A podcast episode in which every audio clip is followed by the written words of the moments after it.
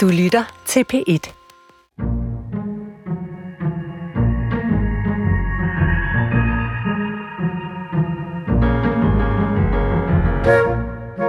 Selvom der er meget, der har forandret sig i mit liv, er mit forhold til digte grundlæggende det samme. Jeg kan læse dem, men de åbner sig aldrig. Og det er fordi, jeg ikke har ret til dem. De er ikke tiltænkt mig. At jeg er en af dem, de ikke åbner sig for, plagede mig, især da jeg var i 20'erne og stadig var fuld af forestillinger om, hvem jeg kunne være. Konsekvenserne af, at digtene aldrig åbnede sig, var nemlig store. Ja, det dømte mig til et liv i det lave. Det gjorde mig til en af de lave. Og det var ikke mig, der sagde det. Mhm. For sådan en bekendelse ville jeg ikke turde komme med, og slet ikke i radioen. For den slags kan man kun sige sådan utilsløret, hvis man også er en berømt forfatter, eller noget i den retning, tænker jeg. For, for de fleste af os almindelige dødelige føles det nemlig skamfuldt at indrømme, hvis vi oplever, at digtene ikke åbner sig for os. Og min fornemmelse er, at vi er mange, der har det sådan. Mm. Og det synes jeg, vi skal gøre noget ved i dag. Og til at hjælpe mig med det, der har jeg inviteret dig, Ursula Anker Olsen. Hjertelig velkommen. Tak skal du have. Mit navn er Alberte Clement Meldal, og jeg er visevært for Nana Mogensen. Velkommen til Skøn Litteratur på P1. Du, Ursula, Ja, er nemlig en af vores mest anerkendte digtere. Du er poet, som man siger på svensk, og det synes jeg er så smukt. Og så er du også en af de mest indflydelsesrige læsere i kongeriget PT i kraft af dine andre værv, mm. nemlig som rektor for Forfatterskolen og medlem af det Danske Akademi. Ursula, kan du gætte, hvem der har skrevet det her? altså, øh, jeg, jeg ved ikke, hvem det er, så det er et gæt. Ja. Øh, jeg kunne forestille mig måske Tove Ditlevsen. Uh, det var hun, ikke ah, hun skrev kvalificeret. jo selv digte. Hun skrev Altså, selv ja, digte, det kan, ja. men hun ville have haft modet til at men, sige det. Ja, hun vil nok også have ja, været modig nok til at sige det. Ja, Men så kan jeg give dig en ledetråd. Ja. Det er en mand. Det er en mand. Det er en mand, og det er en, som hovedpersonen Pandora i din roman Krisehæfterne kommer til at bestille ved en fejltagelse. Åh, Ja, jeg er faktisk nødt til at sige, ja. at hun kommer til at bestille ham som en mandlig luder. ja. Kan du det så gætte det? Ja, så ved jeg, hvem det er. Ja, Ja. Så er det Karl Ove Knavsgaard. Ja. Det er rigtigt, det er Karl Ove Knavsgaard. Ja. Nu tager jeg lige bogen frem, for ja. nu kan jeg godt, øh, nu tager jeg Ja. afsløre for dig, hvor den kommer Ja. fra. Ja. Øh, Det er nemlig øh, fra Karl Ove Knavsgaards Min Kamp, ja, bind 2, som jeg ikke har læst. som du ikke har læst. Nej. Hvordan kan det så være, at Pandora kommer til at invitere ham med? Altså ind i hendes verden. Ind i Ja. hendes drøm er det jo. Det, er, det må, Guderne det må vide. guderne vide, ja, kan man sige. Pludselig er han der. Ja, Ja. Han er i hvert fald en stor og anerkendt forfatter, og, helt han, sikkert. Ja. og han har altså svært ved at læse digte. Mm. Jamen, det har jeg bestemt også.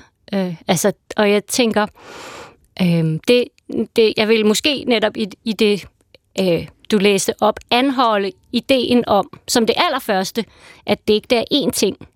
Fordi det bliver lagt lidt ud, som om i, i det citat, du læste der, at alle digte er ens. Mm. Og det er de jo slet ikke. Og jeg tror, det er det, der er det vigtige. Hvis, hvis man indtil videre har haft fornemmelsen af, at digte ikke åbnede sig, så har man bare læst de forkerte. Ah, det var jo en interessant position at indtage. Det vender vi tilbage til lige om lidt. Vi skal lige dvæle lidt ved de her magtfulde og dermed Ja. også ansvarsfulde opgaver, du har. Mm. som professionel læser. Yes. Jeg har nemlig igennem længere tid, når jeg har været visevært her på programmet, haft den glæde at interviewe de skønlitterære forfattere, som er medlemmer af ja. Ja. det danske akademi.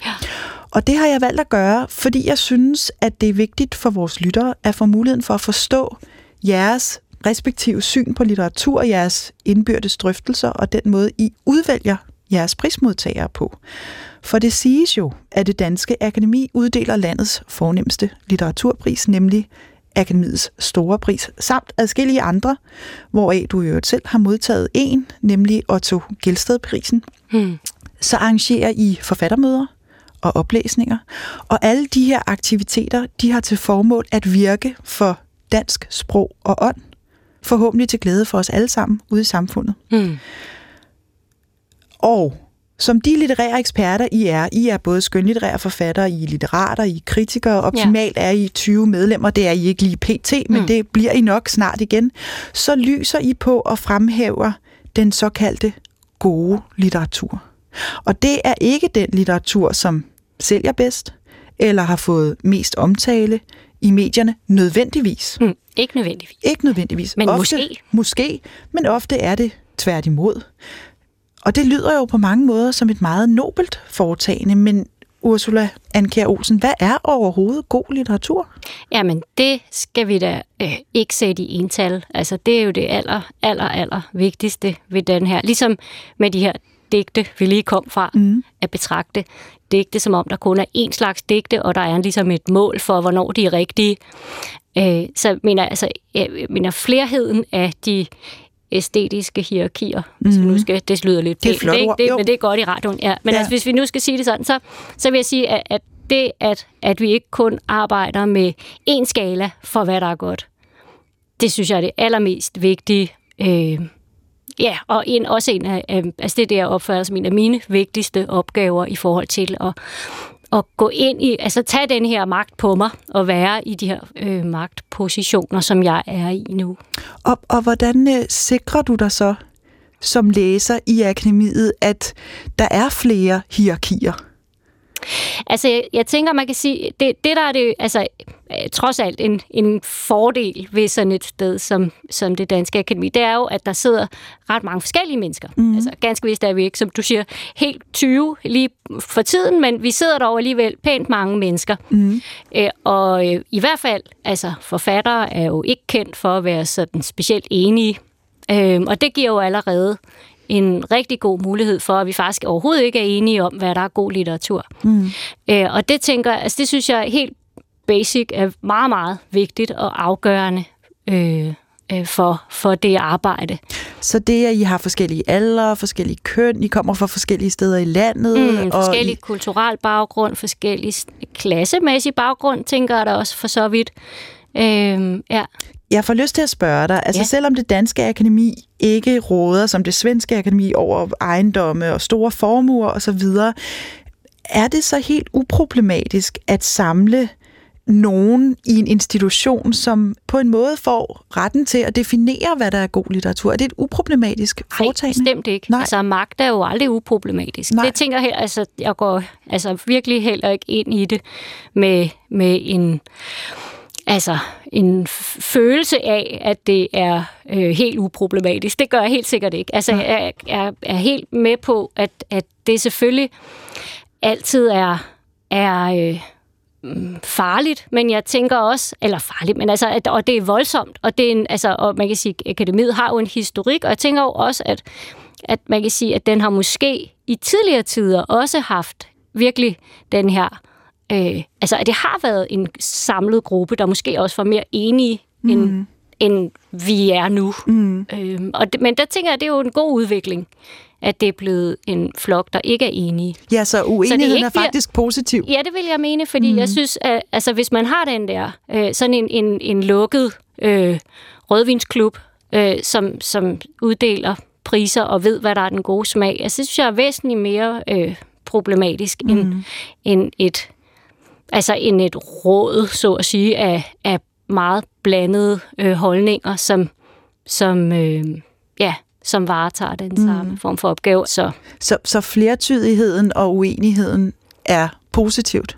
Det synes jeg. Mm. Absolut. Mm.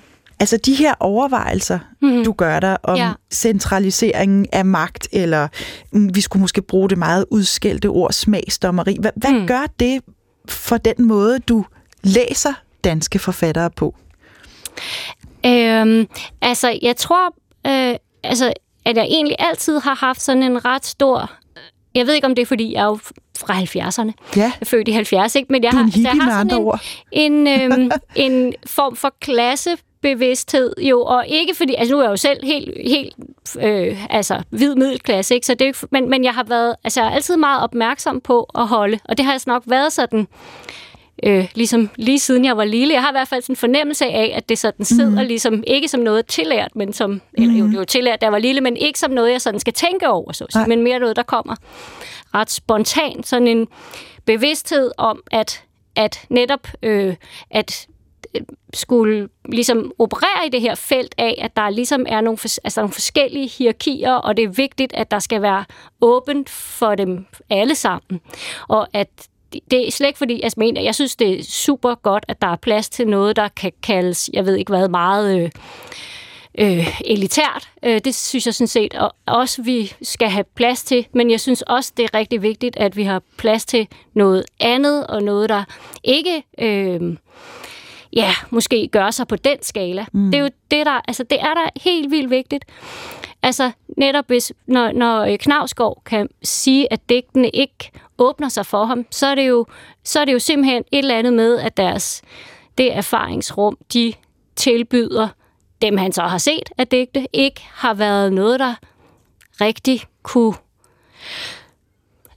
altså som ikke rørt ham, ikke? Mm. Og der må man jo sige, at jamen, altså, så, det, det har jo også, jeg tænker, at dækning har jo haft en, en øh, må sige, en historie mm. øh, for, for at være mere sådan øh, altså ligesom det var en måde, der var den rigtige. Mm. Øh, og, og det synes jeg da helt klart, vi skal væk fra. Mm. Altså, det mm. mener jeg. Mm. Ja, og som rektor og tidligere lærer i øvrigt på forfatterskolen, ja, ja. der har du også kendskab til en særlig måde at læse på, altså en særlig øh, metode, som blev udviklet af skolens øh, grundlægger, særligt Paul Borum, som var rektor de første mange år i skolens øh, levetid. Og I læser derinde på en helt bestemt måde. Vil du ikke prøve at beskrive, hvad, hvordan det er? Jo, altså jeg ved egentlig ikke, om man kan sige, at vi læser på en helt bestemt måde. Altså, men, men vi har jo nogle bestemte rammer omkring det. Mm. Som, altså, vores øh, tekstlæsninger er sådan, at det er, der er en studerende, der har tekst med, mm. og det, vi har to om ugen, mm. der er undervisning. Det er tirsdag i tekstlæsning. Og, mm. og der er det så altså en studerende, der har en tekst med ja. øh, hver dag. Øh, og, og det er så... Hvor altså, lang tid øh, har jamen, I så har vi det i tre timer. Wow. Ja. Og så har vi en tekst på... Ja, altså 10, 15, 20 sider, nogle mm. gange 20. Men mm. det er kun, så står der formentlig ikke så meget på hver side. Men det, altså, så sådan et, et eller andet sted, noget som, som så bliver øh, jo læst højt af den, øh, der har, altså af forfatter, der har skrevet det. Og så sidder vi andre med kopier af teksten, og så går vi så i gang med at ligesom noget.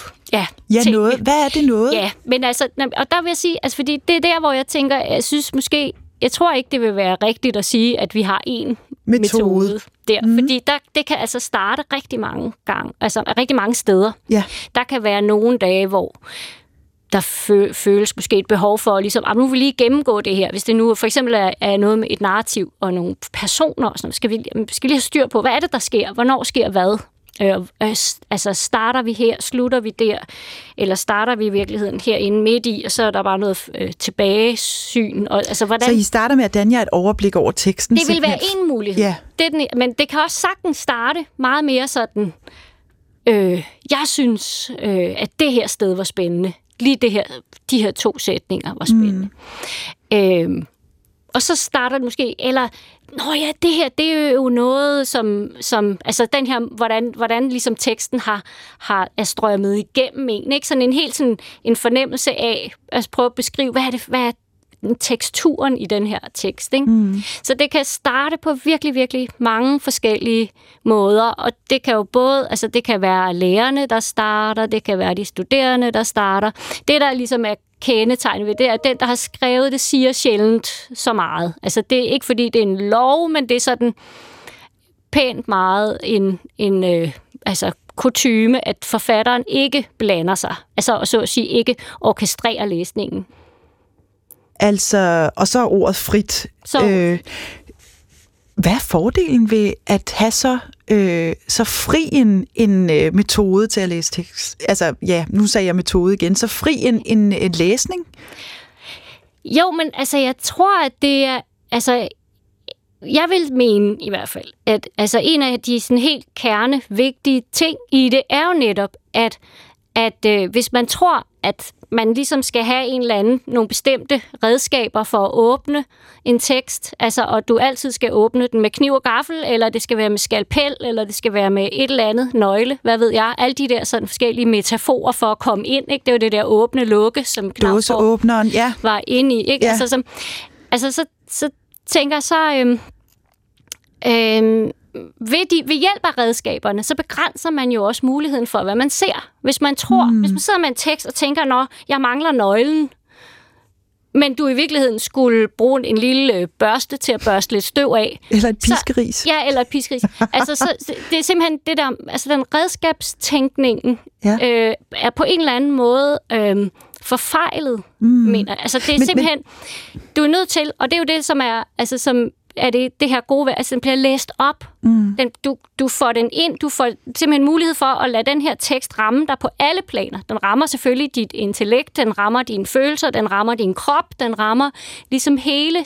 Øh, og di, dine øjne jo, fordi du ser teksten på papiret, og hvis, altså, den kan jo være grafisk øh, sat på en bestemt måde, mm. som, som jo gør også noget. Ikke? Så den rammer dig på ører, øjne, krop, øh, Fysisk, ja. hjerne, øh, f- følelser og det mm. hele. Mm. Øh, og det tænker det er det, der er det vigtige. Ikke? Mm. Øhm, og hvor netop øhm, altså at, at det her med ikke at have en forudfattet mening om, hvordan jeg skal åbne denne her tekst, eller lade den åbne sig. Eller måske skal den slet ikke åbnes. Hvad nu, hvis det er en tekst, der skal stå som en statue foran mig, og ikke åbnes, mm. men jeg skal gå rundt om den. Mm. Altså, må ligesom være, være i det her felt, hvor hvor alt er muligt, og hvor jeg ikke netop sidder klar med mit hierarki og min æstetiske form, som siger, sådan her skal et godt digt være, og så er det bare med at putte nøglen midt ind og låse op. Altså, det er jo det, der er...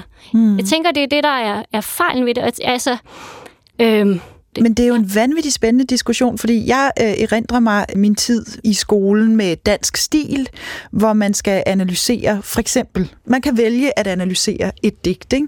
Og, og, og det er jo der, hvor man starter med at, at lave personkarakteristikker og fremhæve metaforerne og lave Ja, et ja. resume, og man, man har alle mulige redskaber. Ja. Og det skal ligesom give et resultat, ikke? Altså man skal, man skal nå frem til en konklusion. Hvad handler Ja. digtet om? ja. Hvad ved det mig? Og det er jo den måde, de allerfleste mennesker lærer at læse digte på Ja. i Danmark, op igennem folkeskolen og Ja. gymnasiet. Ja, og det tror jeg, altså, jeg tror, det er ikke fordi, jeg tænker, selvfølgelig skal, altså, selvfølgelig skal netop alle redskaberne jo også til, mm. men først når man er blevet hugt. Ah. Altså, fordi de giver ikke nogen mening, før man er blevet grebet af det. Og jeg tænker lidt, at altså, jeg ved, at det jo også er noget, som jeg tror, der er, så nogle, der er jo nogle nye forskellige måder, og altså sket rigtig meget i folkeskolen, tænker jeg også, og, og gymnasieundervisning, men altså noget med, at man bare skal læse lidt i, i en halv time, og der er ikke nogen, der kræver, at du skal skrive bograpport, som du siger om det, ikke? Nej. men man skal bare have lov at sidde og læse. Og der tænker jeg, altså jeg tænker, det fedeste vil være, hvis man, hvis man bare læste nogle digte op for ungerne hver dag. Ja, Bare et digt, altså for fanden. Det, er der ikke, det, det dør de jo ikke af, vel? Men så vil de ligesom få rigtig, rigtig ja. mange forskellige digte. Mm. Og, og på et eller andet tidspunkt, nogen vil måske sige, nå, det der, det var ikke noget. Så næste dag, ah, der var der noget sjovt ved det der. Så vil det blive sådan en ting, man omgås. Det er jo ligesom, altså et digt er jo også meget beslægtet med, eller kan i hvert fald være meget beslægtet med fænomenet en sang. Den går du jo heller ikke til med sådan en, nå, hvad handler den om? Hvad handler den om? Jeg skal forstå det, jeg skal forstå det. Altså, du kan jo godt, der kan du godt bare tillade dig at være i den, og høre den, og blive glad, eller blive rasende, eller blive øh, ulykkelig, eller et eller andet. Ikke? Og det er jo den samme. Vi skal have den samme. Vi skal have lov til at være i digte på samme måde, synes jeg. Det synes jeg er ekstremt øh, afgørende. ligesom vi er i musik. Ja, Ja. Jeg synes, vi skal prøve at følge øh, den med, altså den metode, som så ikke er en metode, en meget fri metode, når vi nu Ramme, øh, ja. øh, lige om lidt skal læse digte. Vi skal prøve at være i den ramme. Men inden vi gør det, så bliver jeg jo så nødt til lige at få dig til at slå fast. Altså, man kan godt lære at læse digte, så det er ikke rigtigt, hvad Karl Ove Knavsgaard siger. Man kan godt lære at læse digte. ja, ja, det synes jeg bestemt. Altså, jeg har selv lært det. Fordi jeg kan nemlig, altså, jeg har jo haft den samme, øhm, altså som han Ja. nu siger, modvilje Altså, mod ja. at læse digte. Bare Og det- tænkt, at det var ikke noget for mig. Og det undrer mig helt vildt, fordi mm. jeg troede selvfølgelig, at du havde læst digte, før du overhovedet kunne Kravle. Ja. Nej, det havde jeg bestemt. Nej. Nej, altså jeg havde faktisk ikke læst digte, før jeg selv var begyndt at skrive nogen. Øh, så jeg startede, og så kunne jeg jo se, at det, jeg skrev, ikke var øh, ja, altså narrativ. så det var et eller andet. Jeg vidste Der var ikke, ikke hvad nogen det var. fortællinger i. Der var ikke nogen fortællinger. Ah. Nej, men det var et eller andet. Øh, og så, øh, så, så søgte jeg kort tid efter ind på forfatterskolen, og så kom jeg jo ind der. Og så kan man sige, så er, siden da har jeg jo så virkelig øh, forsøgt at komme efter det med digte. Men altså, det, jeg kan jo sige sådan en helt, helt øh, sådan fundamental ting om mit, altså noget af det, der har været svært øh, ved digte for mig, og, jo, altså, og det gælder selvfølgelig ikke for alle digte, nemlig, men, men for mange digte. Altså, det er netop det her med, at det er så kort, mm. og, øhm, og jeg har meget høj fart på, som tit som person. Det Nå, kan så du har overstået dem så på et jeg er øjeblik? ligesom sådan, zzzt, så jeg er ligesom forbi, før den overhovedet er nået at komme i gang, ikke? Og jeg ved slet ikke, hvad... Nå. Og det vil sige, så jeg er jo sådan en type, så jeg skal jo for eksempel tvinges til at sidde og kigge på det i en halv time. Og så kan, altså sådan en enkelt lidt, og så kan det pludselig, nå ja, nå, måske skete der faktisk et eller andet. Ja. Jeg kunne bare ikke lige nå at mærke det i første omgang, fordi jeg var for meget. Jeg har for mange 100 km i timen, ikke? Jo. Så er det bare sådan zzzt, forbi, ikke? Og hvor det som, altså de ting, jeg selv skrev, i, altså der arbejdede jeg jo meget mere med de her, altså hvor øh, det som, som musik gør jo tit, er jo, at man laver en form ved at bygge over, eller, eller bygge op, ikke? at man ligesom Man har gentager mange ting. Ikke? Ja. Man har sådan en ting, og så også på den måde, så drøber altså erkendelsen, så at sige, ned over øh, en hen ad vejen. Ikke? Tingene lægger sig oven på hinanden, øh, og, og de kan blive gentaget, de kan blive ændret en lille smule, men og det er jo en helt anden type form end den der sådan det modernistiske digts koncentrat der, som hvor det hele skal stå der klonk i sådan en lille øh, diamant der, ikke? Hvor Ja. ja. altså netop en musikalsk form. Altså vi ville aldrig være blevet glade, hvis Beethoven kun havde skrevet da da da dam, vel? Altså det er ikke nok, vel? Det skal ligesom der skal, skal komme- gentages nogle gange, og der skal fyldes noget på, ja. Og det tror jeg meget, altså det, det har sådan for min, altså simpelthen det er sådan min hjerne fungeret i starten meget på det her med, jeg kan kun forstå noget, hvis en form folder sig gradvist Mhm. ud for mig selv. Altså selv folder sig ud, så at sige. Ikke? Ja, så det vil sige, at du siger, at man ikke skal være hverken særlig begavet eller gøre sig fortjent til at læse digte, men man skal have tålmodighed, og man skal genbesøge det, som det hedder i dag, igen og igen, og få opbygget en erfaring med at læse digte. Ja. Kan du huske, hvornår et digt pludselig åbnede sig for dig første gang? Hmm, kan jeg huske det? Øhm. Altså...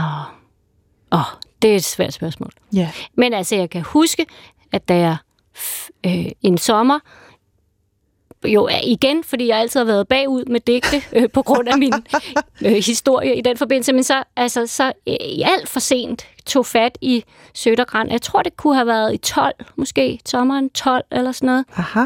Øhm, Altså 2012. ja, Så vi er jo altså kun 10 år øh, Ja. tilbage i tiden. Ja, da jeg så havde sådan tænkt, nej, nu må jeg da se, få se og få kigget på det der Sødergræn.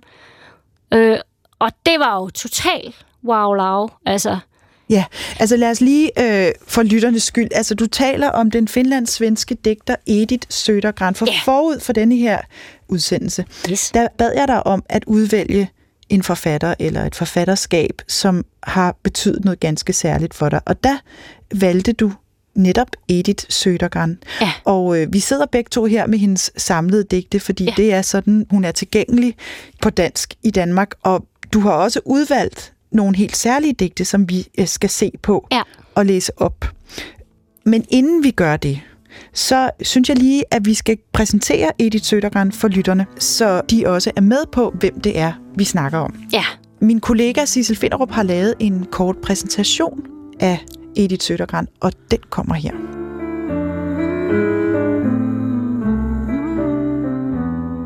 Gennemboret af lys skal jeg dø. Sådan skrev den finlandssvenske digter Edith Södergran, og dø gjorde hun, blot 31 år gammel. Trods sin unge død, nåede hun at skrive fem digtsamlinger, og i dag anses hun for at være en af de vigtigste digtere i svensk modernisme, som også gjorde indtryk på danske digtere som Gustav Munk Petersen og Bodil Bæk. Du ska överge din gamla väg.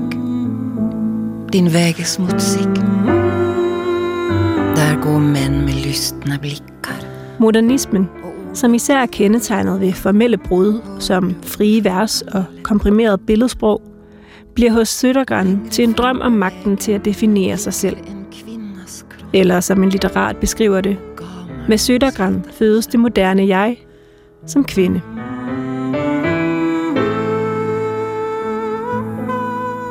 Edith Sødergren selv levede dog langt fra den moderne verdens bulrende centrum. Sammen med sin mor levede hun isoleret fra omverdenen ude i det finske næs, syg og svagelig.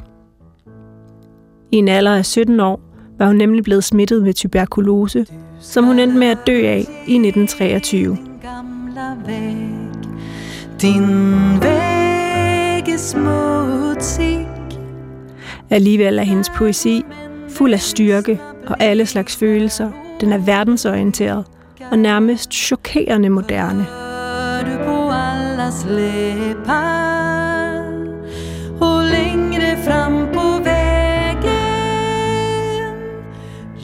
Edith Sødergren var 24 år gammel, da hendes første digtsamling, Digter, udkom i 1916. Der havde anmelderne ikke meget til overs for hende.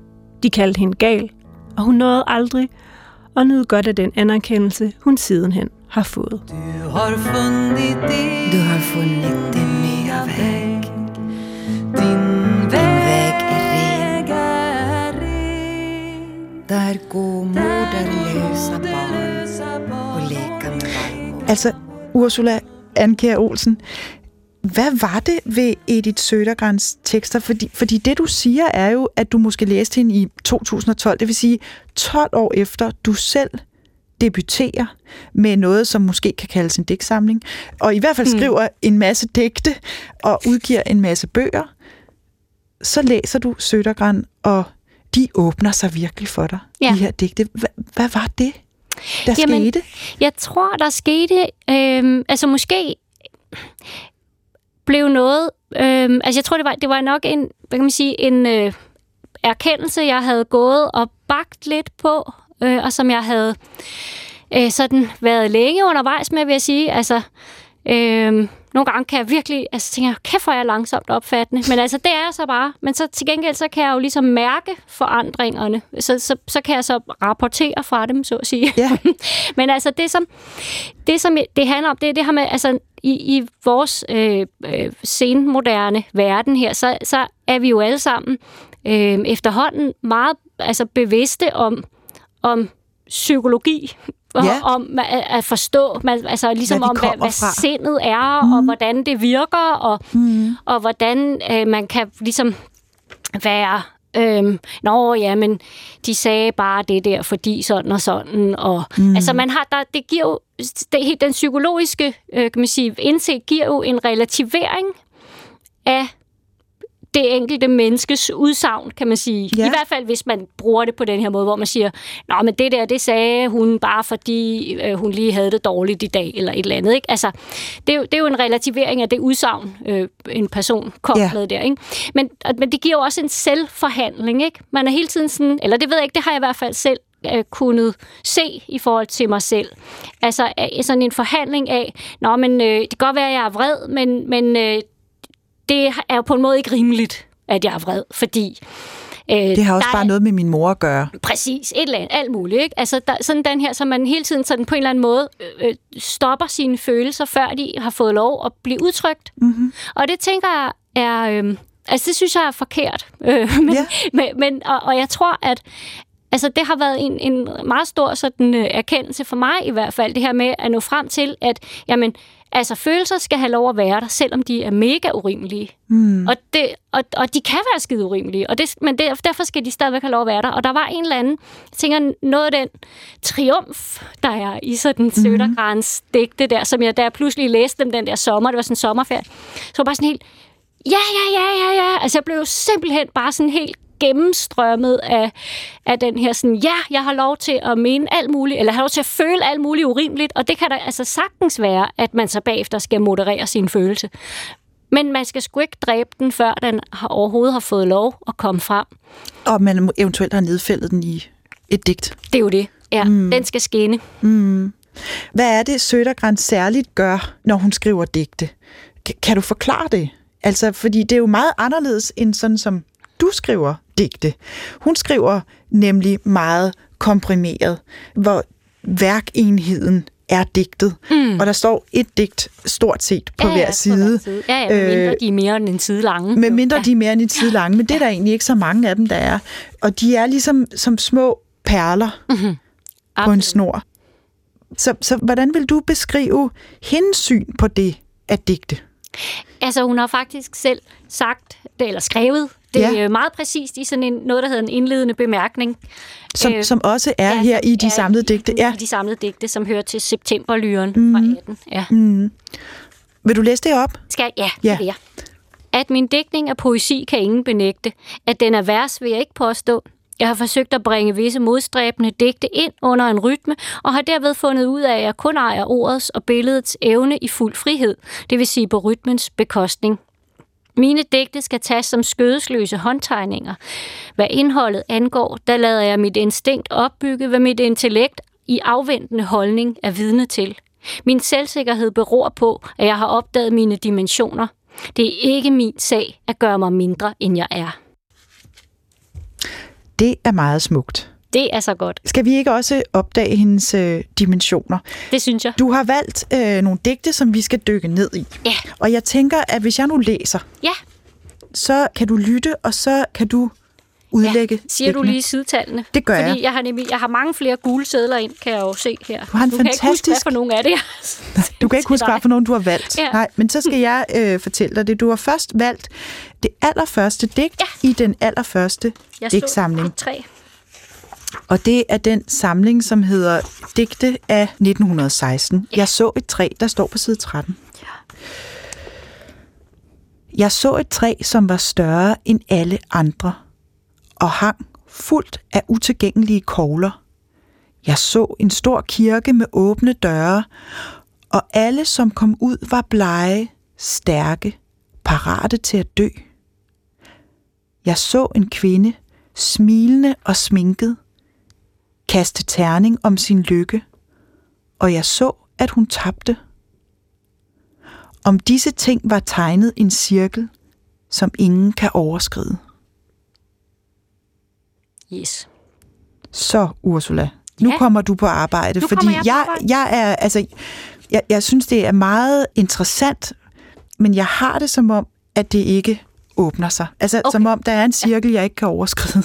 Ja, men det skal du jo måske heller ikke. Nej, Hvad? Øhm, det kunne man jo for eksempel sige. Altså, jeg tænker, noget af det, der som altså umiddelbart sådan kan slå en, er jo det her netop, at, at der er først er der det her billede, mm, der bliver tegnet op, ikke? og så er der et linje, eller så er der et, en linje mellemrum jo, og så Ja. kommer den her, om disse ting var tegnet en cirkel, så Ja. ja. man kan overskrive, og, overskride. Og det er jo, det, det er jo ligesom, det, det taler fra, en anden, øh, øh, fra et andet niveau, så at sige. Ikke? Ja. Fordi vi har først det her billede. vi har træet, vi har kirken, Ja. og vi har kvinden. Ja, nemlig. Og om de ting, Og om alt det der er der tegnet en cirkel. Ja. Det, det er jo, den der cirkel er jo så ligesom et, et, øh, et lag, der så er et andet lag end, end billedet, der først var. Ikke? Så Jo. altså i forhold til det her, jeg synes noget, vi har kommet forbi, det her forestilling om digtet som en skulptur eller sådan noget på et tidspunkt, der, der vil jeg da mene, at der er vi jo ret tæt på, ikke? fordi her der er Ja. først er der tegnet et billede, som netop har en klar rummelighed i sig, ikke? fordi det er et helt landskab. Ikke? Der er træ, og så, og så er der en kirke, ikke? og så er der øh, de her mennesker, der kommer ud af kirken, og så er der den der kvinde, som er en blandt menneskene, ikke? mm, som kaster terning om sin lykke og taber.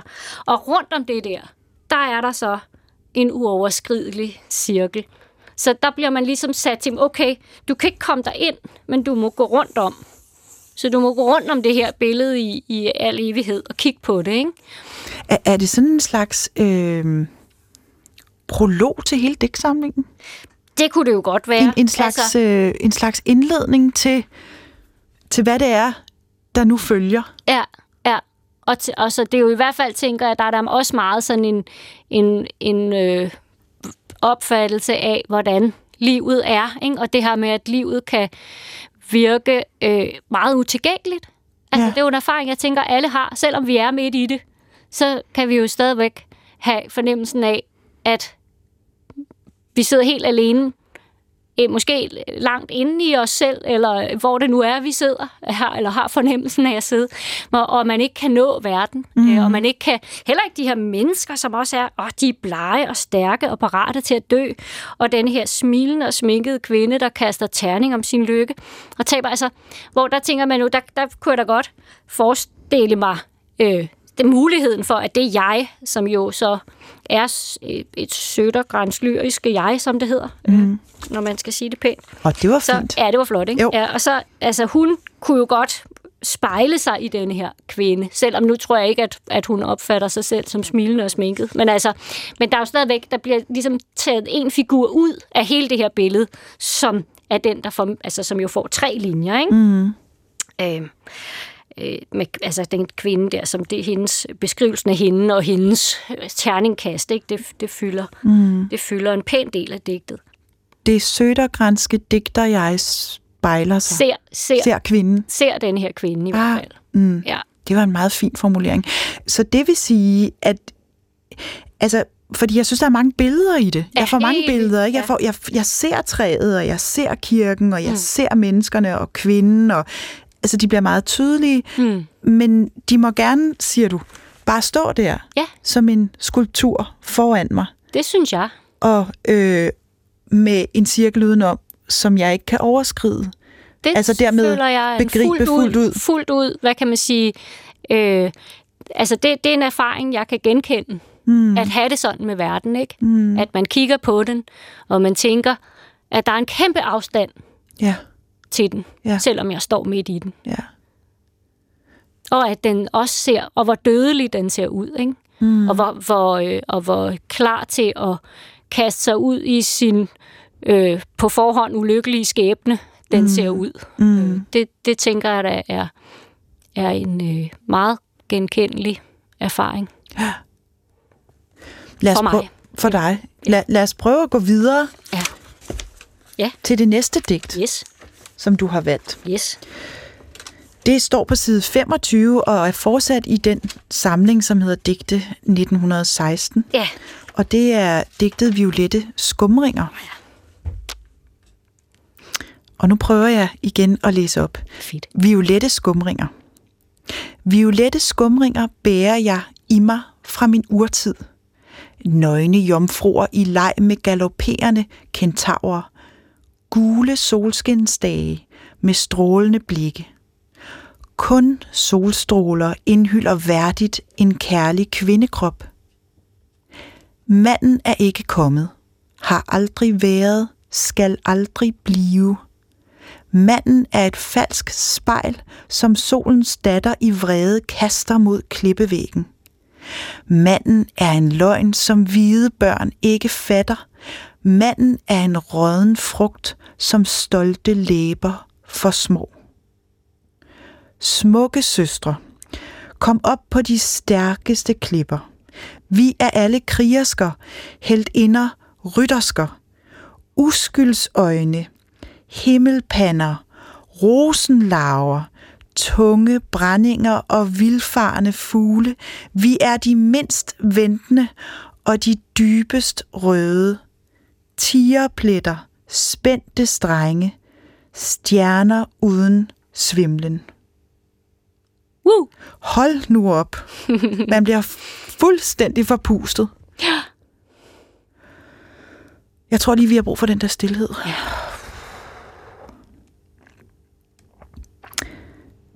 Nemlig. Hvad handler... Hvad, hvad? Nej. Ursula. Ursula, hvad oplever du? Ja, jamen altså, jeg oplever jo flere forskellige ting, kan man sige. Øhm, først og fremmest synes jeg, at det her, det, det har jo virkelig triumf. Hvad er det triumf? Ja, altså jeg tror, for mig betyder det nok, øhm, altså man kunne tro, triumf var altså noget med at vinde i en krig eller sådan noget. Det kan det selvfølgelig godt være, men jeg tror, når jeg bruger ord, så er det meget sådan en, altså det er faktisk en meget kropslig følelse af at være ligesom være rejst indefra sådan, og gennemstrømmet af sådan en kraft. Altså sådan, ja, netop, at kroppen åbner sig og tør og vil og går ind et sted, øh, altså hvor det nu skal hen. Mm. Så det er sådan en følelse af løft inde i kroppen. Og faktisk jo lidt det, hun beskriver i den øh, tekst, som du læste op. Altså, at hun kan ikke... Altså, hun har opdaget sine egne dimensioner, og dem står hun ved. Ikke? Ja. Altså, dem kan hun ikke underkende. Så hun er præcis så stor, som hun har, Gennemstrømmet. og gennemstrømmet af kraft, som hun oplever. Ja. Ja. Øhm, Så tænker jeg også, at, at, øh, altså, at der er jo også øh, øh, øh, lige plads til et par, altså sådan i, i, fra et eller andet mere sådan objektivt sted, øh, urimelige følelser. Altså for eksempel at betragte manden som en rådden frugt. Det, det er jo Den- er følelse et kender jeg godt. kort billede. Ja, Jo, jo. Lige præcis det, Den kan man have sagtens- nogle gange det om- lige, præcis, om dagen. Ja, det kan man ja, godt have, ja. men, men det, det er jo stadigvæk, altså det er jo så det, som, som øh, man også godt kan, kan fra, fra andre perspektiver mene er en urimelig følelse, mm. men som der skal være plads til. Mm. Øhm, Det var og så- typisk det, psykologen vil sige. Det, du skal Ja. gå hjem og skrive det, og så skal du lægge det i, i ned i skuffen. skuffen Ikke? og håbe, at ingen finder det. Ja. ja. Ej, man skal udgive det. Ja, Nemlig. udgiv det. Ja, Ja, det er selvfølgelig nej, en anden men, øh, mulighed. Ja. Øhm, og så tænker jeg, altså der er også noget andet, jeg så ligesom øh, lige kom til at tænke på, da du læste op. Ja. Det er jo det her med, altså det er jo selvfølgelig, er der jo, altså, der er jo en helt øh, øh, klokkeklar feministisk øh, Politisk her, dagsorden. ikke? Ja, det er der. Altså, at, at der er jo en, en, altså en, øh, en øh, besøgelse af, hvad, hvad kvinder er, og at de selv kan, og at de er krigerske og helt ind og rytterske, og uskyldsøjne, himmelpander, rosen, laver, og også denne her, vi er de mindst ventede, ikke? Altså, vi kommer sgu, og I tror det måske ikke, men vi kommer, Bare og vi vent. tager jer, ikke? Jo. Altså, der er sådan, der er sådan en, en kampklarhed og en, øh, og en øh, power, ikke? Som, Jo. som jo er sådan en, altså en, øh, øh, hvad hedder det, på moderne hedder det empowerment, ikke? Men Jo. ja, hvad skal jeg sige? Sådan en, En, en, En- kraft. Ja. kraft, øh, kraftfuldhed og ja. en, altså en tagen sig magt Mm, og mm. triumf og kraft. Ikke? Altså, hun tager den selv, ikke? Som jo også er det her, altså det er jo noget, altså nu er jeg jo virkelig ikke litteraturhistoriker, så der er rigtig meget, jeg er altid sådan, ja, altså jeg kommer til at sige forkerte ting, fordi jeg faktisk ikke er sådan helt øh, så meget på det her med det biografiske og sådan noget, men jeg tror nok, hun var meget Nietzsche-inspireret. Aha. Øh, Og der er jo en klar sådan, øh, altså netop sådan en, altså at man skal tage sin tage sit liv i egen, øh, eller Ja. ja, altså så, så, sådan en magtvilje, Ja, kan man sige, viljen ikke? til magt, og, og, og der er også noget, noget mytisk, altså, øh, øh, Ja. altså heltinder og kri, mm. krigersker og ryttersker, og man ser øh, straks den græske mytologi for sig, som, som også var en, Absolut. en stor del af, af Nietzsches... Amazoner, tænker man jo her, ikke? forfatterskab, De ja. krigersker og Lige heltinder og præcis, ryttersker, ja. Og så var der en, endnu en ting, jeg, som jeg ligesom blev helt øh, opløftet af, da du læste. Det er den her øh, pynt. Altså, der er så meget øh, pynt. Og jeg tror, en af de ting, som har nemlig været, altså, har været mit problem i, altså, i, ved siden af det her med, med, øh, med tempoet og dækningen, ikke? at dækkene var ligesom færdige, før jeg var nået at ankomme, ikke? eller jeg var løbet, løbet forbi, eller hvordan det nu var. Ikke? Altså, Det lyder som sådan en mislykket samleje. Ja, men det, Ja. altså, det, Det er faktisk det er nok ikke lidt helt sådan. Nej. forkert, jo. Nej. Øhm, og så, men her der, der er det her med, altså, som jeg jo, altså det her med, hvor, altså, der er jo virkelig mange store ord, ikke? Violette skumringer og jomfruer i galopperende leg, og jeg ved ikke hvad. Altså, der er virkelig øh, gang i den. Og jeg tænker, at altså, der er jo et eller andet, måske også med, det er måske sådan en, en dansk slash nordisk øh, protestantisme, som er i modstand mod sådan ja. noget pynt. Øh, og, og hvor jeg, men hvor jeg ser den både som sådan en, altså netop en feministisk pointe, at jeg er da ligeglad med, at I synes, at man skal være en flad, øh, Bleg. ensartet, bleg maske, og at man bare skal holde på sin alting og se ens ud hele vejen og have et stabilt følelsesliv og sådan noget. Jeg er da pisse ligeglad. Jeg karter helt ud. Ikke? Altså det, det synes jeg også, den siger. Og den også siger, jeg vil bare bruge øh, glimmer og halløj, og I skal ikke bestemme, at jeg ikke må pynte mig. Og jeg ikke må ligesom bare indtage sproget og alt dets øh, mm. øh, himmelpander og rosenlaver. Altså, ja. Det, det glæder mig også. Det gjorde mig i hvert fald virkelig... Altså, det gør, og det gør mig opløftet nu igen, når du læser det. Men det er da, altså, da jeg så øh, læste de samlede digte første gang. Fuld af pynt. Ja. Man skal aldrig gå ned på glimmer. Det er Nej. noget, de unge siger. Ja, men de unge det, er kvinder. Også, det ja. har de sgu ret i. Ja. Kun hvis man, altså hvis man ikke kan lide glimmer, det er for os 100% fair. Men hvis man rent faktisk kan lide glimmer, så skal man ikke lade sig hæmme. Altså, øh, jeg, jeg sidder her med øh, nogle af dine bøger, blandt Ja. ja. andet øh, Krisehæfteren, fordi Ja. ja. du har faktisk også skrevet en Ja, roman. Eller det kalder du den i hvert Ja, ja. fald. Fordi gør jeg. ved ikke rigtig, hvad jeg tænker. Altså, jeg er glad for, at jeg ikke skal genre-definere den, når jeg, når jeg læser den, Mm. fordi, fordi nogle steder er det jo digte, og andre steder er det øh, Mm. mm. mere romanstof, og der er nogle karakterer, der går igen, og så videre. Øh, Altså, Ja. Krigshæfter er jo meget kaosbog, kan man godt sige, ikke? det er en, en lang krise. Ja, Ja. ja. nemlig. Også ja. i formen, ja. øhm, men øhm, jeg får lyst til lige at, at læse noget fra krisehæfterne, Ja. som jeg kom til at tænke på, da jeg læste Violette Skumringer. Ja. For der står for eksempel her, øh, de fleste synes det er i orden, at gamle mænd varmer verden op med deres lune pis. Jeg er spændt på, hvad de vil sige til mit brændende, iskolde, når det kommer. Og, og det er jo selvfølgelig en lidt mere fræk sprogbrug, du har end Nå, Edith Sødergran. en Men, lille men, smule mere moderne, ja, måske. men, men der er dog lidt af det samme. Absolut. Øh, 100 procent. Ja.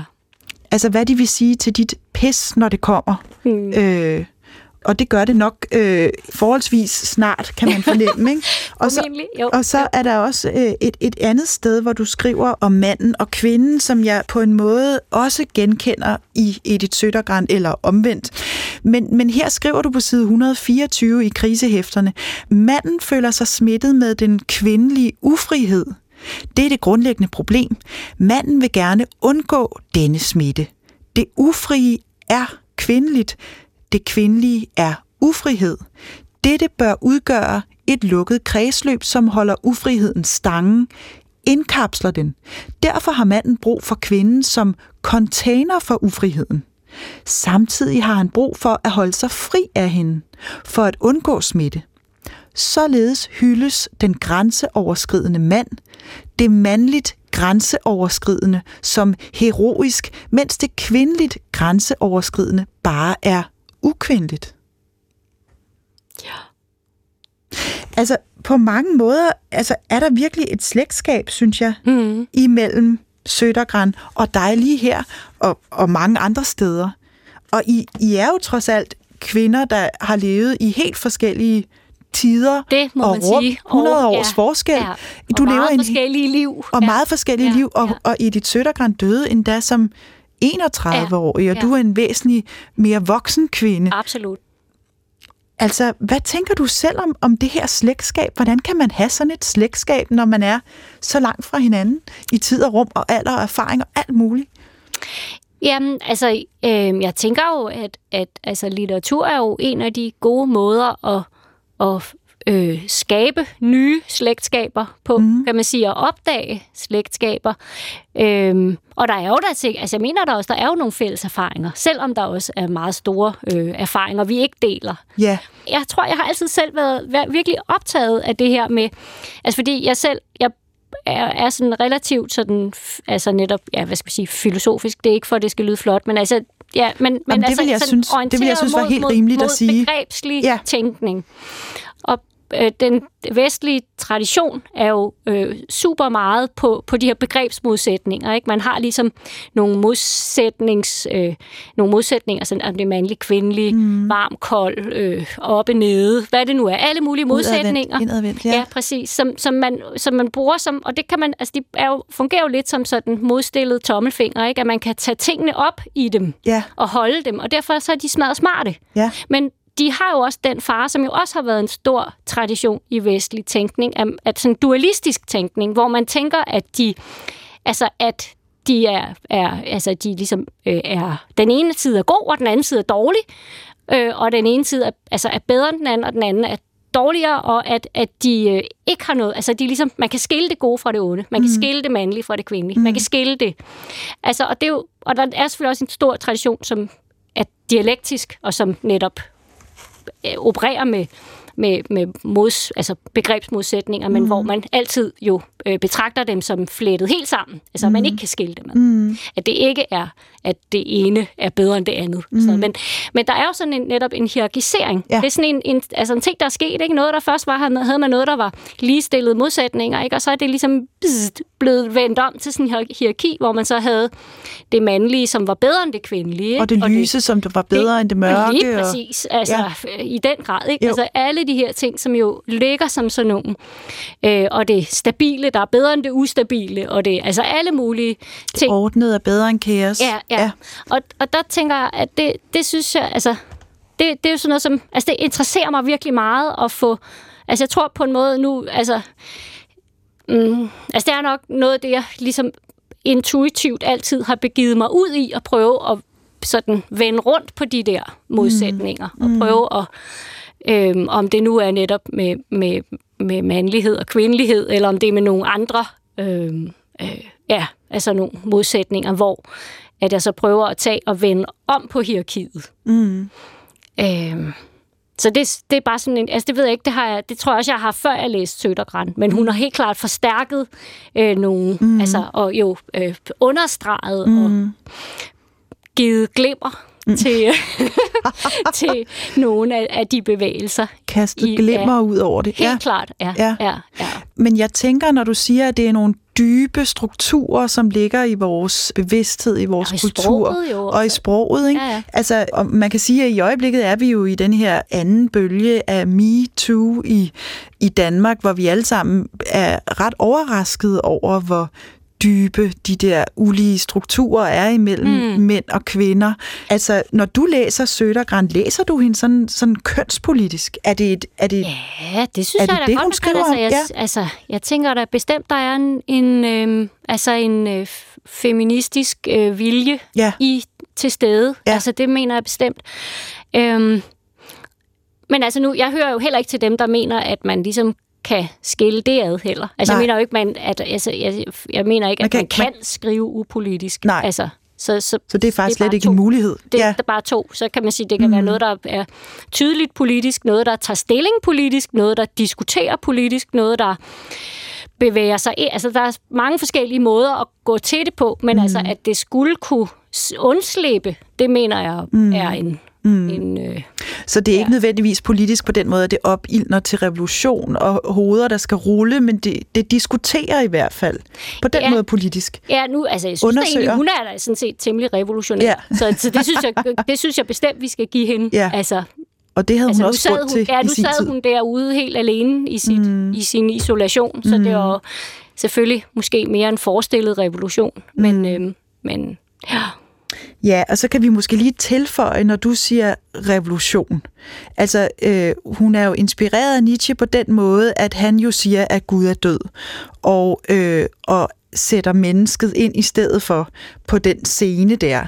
Øh, altså mennesket, som har vilje til magt. Så på den måde er det jo en revolution. mm. Mm. ja. Jeg får lyst til lige at læse ja. øh, en, en, en lille, øh, lille del af, Mhm. mm-hmm. Af måske et af hendes allermest berømte digte op, som, ja. som øh, mange måske kender uden at vide, at det faktisk ja. er Edith Sødergran, der har skrevet det. Det er for det digt, der hedder Dagen bliver kølig, som slutter af sådan her. Du søgte en blomst og fandt en frugt. Du søgte en kilde og fandt et hav. Du søgte en kvinde og fandt en sjæl. Du er skuffet. ja. Det, at, at det, det er jo meget smukt, og det er næsten... Og, det, og, det har og næsten ondt. og Ja. ondt, ikke? Sarkastisk. Ja. Og, ja. og øh, jeg kender det så godt, så, så det virker næsten ligesom roser er røde, violer er blå. Mm. Ja, Er den har jo også den, æbler er virkelig den der form, den samme Ja. type rytme, Ja. som hun ellers lige, der jeg læste op, som hendes erklæring der, Ja. hvor hun frasagde sig, eller afs, afsagde sig rytmen. Ja. Men der, der kører, der har hun jo virkelig sådan Ja. den poesirytme. Ja. Hvordan læser du Edith Sødergran? Altså, når du læser hende, sætter du dig ned og læser øh, altså, en hel digtsamling? Nu er det de samlede digte, vi sidder med her, Ja, som jeg ja, sagde før. Ikke? Men, men, men læser du så en hel digtsamling for, for på den måde at kunne fornemme, om der også er en stor form eller forbindelse imellem digtene? Eller læser du, som vi nu har gjort, enkeltstående digte, og så lader dem stå lidt i stilheden og vibrere for at øh, have tid til at sanse dem? Ja, altså det veksler nok lidt, tror jeg. Øhm, altså jeg tror, da jeg læste, det var den, jeg havde sådan en svensk pocket med dem, som jeg så havde haft stående i mine nogle år, og så læste jeg den der. Der læste, tror jeg bare, læste fra ende til anden, men jo, altså jeg holdt jo helt klart nogle pauser, hvor jeg løb 100 gange rundt om huset i glæde. Altså sådan, fordi det virkelig var sådan, åh! Altså, jeg kunne ikke rumme det, vel, så jeg var nødt til lige at løbe lidt rundt. Øhm, men, men altså, ja, ja, altså, jeg kan, ja, jeg kan både gøre det ene og det andet, tror Mm. jeg. Jeg tænker, at begge dele har lidt alt efter, hvad man lige... Ja, hvordan den dag, hvor man læser, lige ser ud. Ikke? Mm. Der kan man jo gøre det ene og det andet. Mm, mm. Men begge dele er tilladt, så ja, at sige. absolut. Man må altså- godt bare slå op på en side og læse et enkelt digt. Det må man. Mm. Men, altså, det synes jeg virkelig... Ja, jeg synes, altså, det, det, det må jeg sige. Altså, det er klart en mission, at der må... Altså, for mig, at jeg synes, der er ikke nogen rigtig måde. Og, altså, man må ligesom læse på de måder, der giver sig, og på de måder, man selv synes. Hvad nu, hvis man... Eller netop altså, går rundt og hører bøgerne som lydbøger, eller altså, hvad det nu måtte være, men som virkelig giver sig godt for en. Mm. Det, det skal man bare gribe, og man kan koncentrere sig den ene del og flagre den anden dag, eller koncentrere sig den ene dag og flagre den anden dag. Altså, det, det må være, det må være helt mm. igennem tilladt. Det har vi din velsignelse til. I hvert fald min. Ja. Jeg, jeg kan ikke garantere for Nej, andre nej, instanser. Nej, men Men din velsignelse er også nok for mig, Det godt. kan jeg afsløre. Ja, Ursula. Af hjertet, tak Ursula Anker Olsen, fordi du vil komme og fortælle om dit arbejde på Forfatterskolen og i det danske akademi. Og tak fordi du vil komme og fortælle om, hvordan du læser digte i særlig grad Edith Sødergrans. selv tak. Jeg er øh, blevet meget klogere på digte og på det at læse, og måske så lytter Karl Ove Knavsgaard med. Man har jo lov at håbe, og så har vi også hjulpet ham lidt, og det fortjener han oven på den lange kamp, han har haft. Edith Sødergrans digte er øh, i sin tid oversat af Per Sibast og udgivet på forlaget Ruders, og dine bøger, Ursula, er udgivet på forlaget Gyldendal. I hvert fald de seneste. Mit navn er Alberte Clement Meldal. Tak fordi du lyttede til Skønlitteratur på P1. På genhør.